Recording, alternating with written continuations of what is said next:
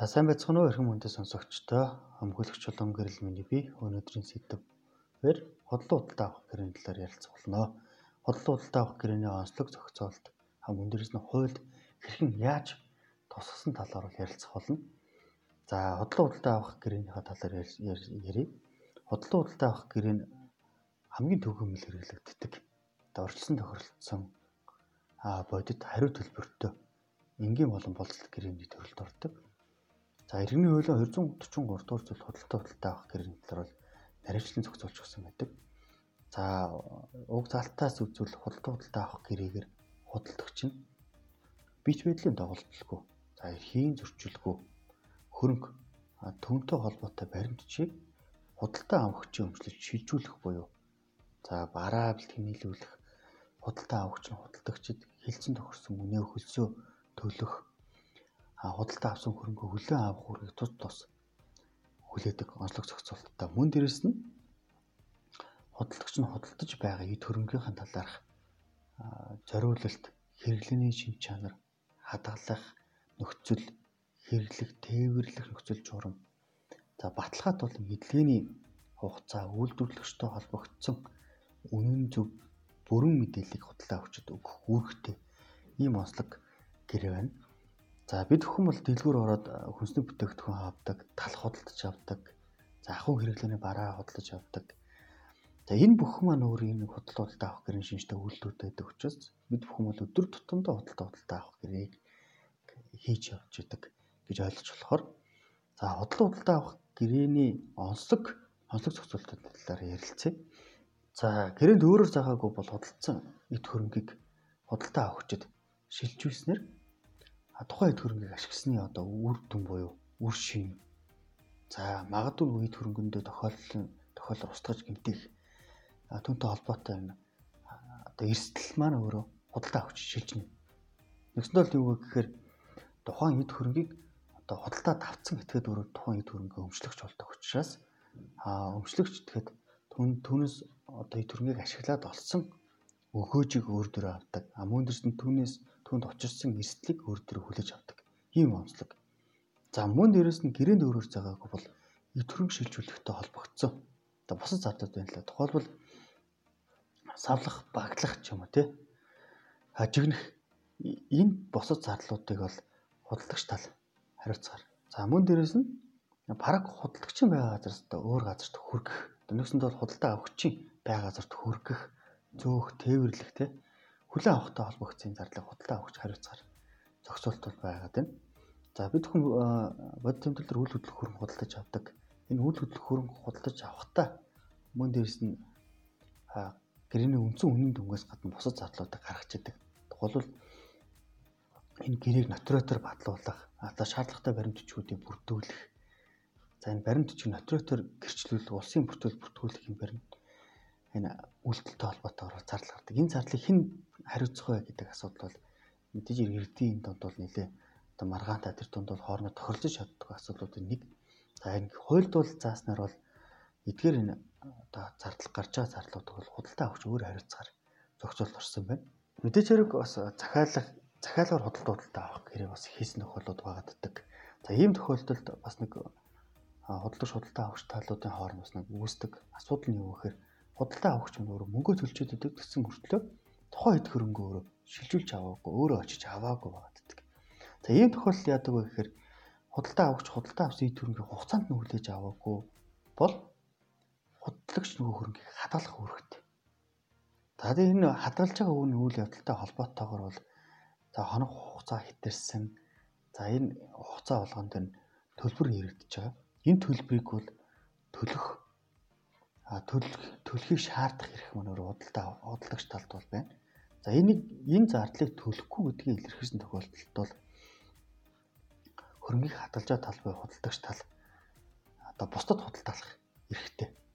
За энэ эрхээ хэрэгжүүлэхээс өмнө 7 хоногийн дотор энэ эрхээ хэрэгжүүлэхтэй холбоотойгоор бол мэдэгдэх үүргийг одоо худалдаа авч талтай худалдагч тал мэдэгдэх үүргийг хүлээждэг.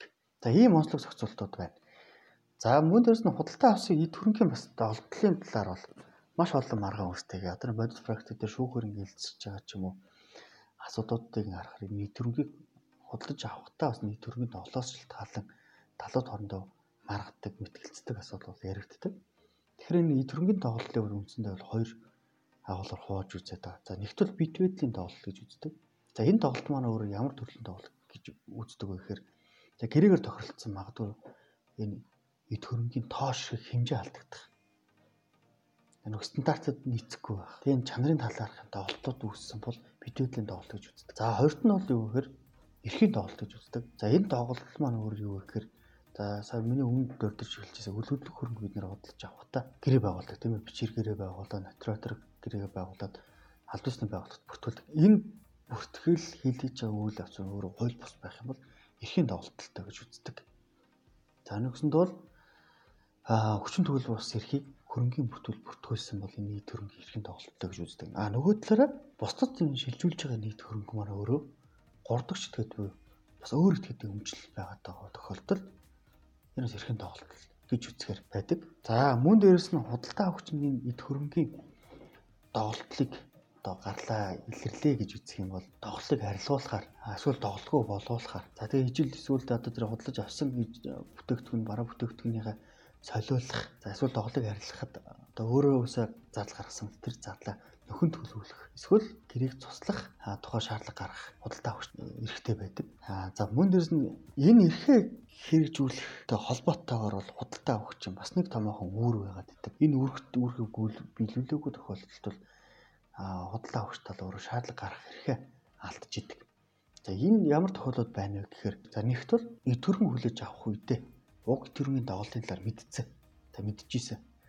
А эсвэл мэдэх боломжтой байхдаа түүнийг хүлээгээд авчихсан бол энэ шаардлага гаргахаа эрхээ алддаг асуудал болдог.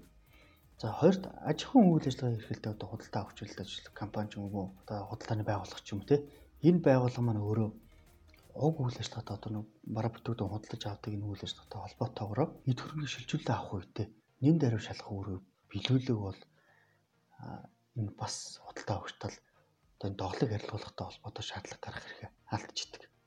За гуравт нь тухайн эд хөрөнгөний доголдол нь худалдаа авагч өөрийнх нь буруутай үйлдэл яаж байгаа буюу тээвэрлэх, хадгалах, ашиглах журамчдаас үүссэн.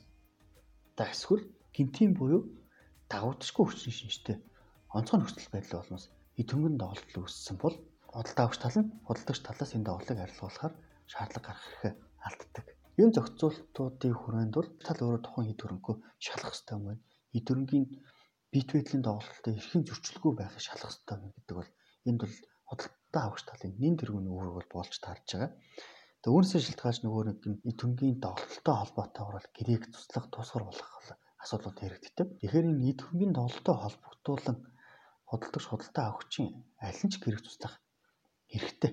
Тэгэхээр энэ эрхээ эдлээд гэрэг туслаад бас оруулах жоо тохиолдолд бол энэ гэрэг тусласантай холбоотойгоор худалдаа авахчид хохирол учирсан бол за эсвэл энэ гэрэг тусласантай холбоотой зардал гарсан бол үүнийг нь худалдагч тал нөхөн төлөх үүрэг хүлээждэг. За ийм онцлог зохицуулттай гэрээ байна. Тэгэхээр бид бүхний хувьд бол иргэдийн хувьд бол худалдаа худалдаа авах гэрээ байгуулахдаа юуг анхаарах ёстой вэ гэвэл нэгт бол худалдаж авч байгаа төрөнгийнхөө чанар стандартд нийцэж гинүү гэдэг заав шалгах хэрэгтэй.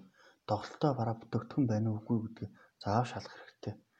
За нөгөө төгөр энэ эрхийн зөрчилтэй байна уугүй тухайн их төрөнгийг худалдаалж байгаа этгээд тухайн их төрөнгийн өмчлөгч мөн байна уугүй гэдгийг нэн төргөм шалгах нь өөрөө цаашид очих эрсдлээс өөрийгөө хамгаалж байгаа юм шүү гэж хэлмээр байна онцлог зохицуулалт болон тэр хулуулах гэрээ байгуулахад юуг анхаарах ёстой вэ гэдэг талаар өнөөдрийн сэдвээр ярилцлаа.